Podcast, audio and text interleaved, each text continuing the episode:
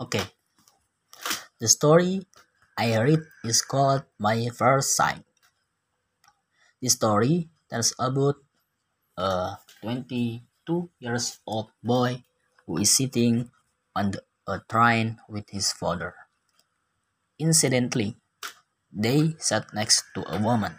Suddenly, the son looked out and saw. Dad, look, the train walked in the opposite direction with us. The father smiled, and woman sitting next to him was surprised and felt sorry to see the behavior of his son. Few minutes later, the son saw again and sighed. Dad, look the clothes are going with us. After the son cried. After the son cried, the woman whispered to his father, Why do not you take him to a doctor? I think he needs to be hospital. Hearing this word, the father smiled and sighed. I have come to the hospital almost every day. Since my son was born, my son was clean since his birth, and today he had just recovered from the blindness. Everyone has their own reasons, not just to justify what we see today.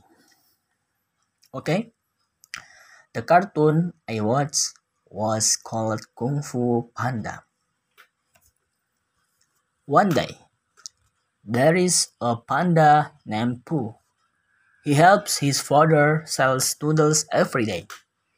He is crazy about kung fu, and his idols are the five warriors who live in the Hilltop Temple. There was a turtle named Oogway. One day, Oogway sensed that his former student Tai Lung. Walt returned to disturb the peace of the local people. And Oogway, who was getting old immediately, chose his successor to become a kung fu master. Then the five warriors prepare for the selection ceremony, but they are not chosen because Fat says Oogway's successor is Po. Sisu, Sifu, the teacher of the five swordsmen, did believe it and protest to Oogway. But Oogway only said that Sifu only need to quiet Po to become a great kung fu master. Okay, thank you.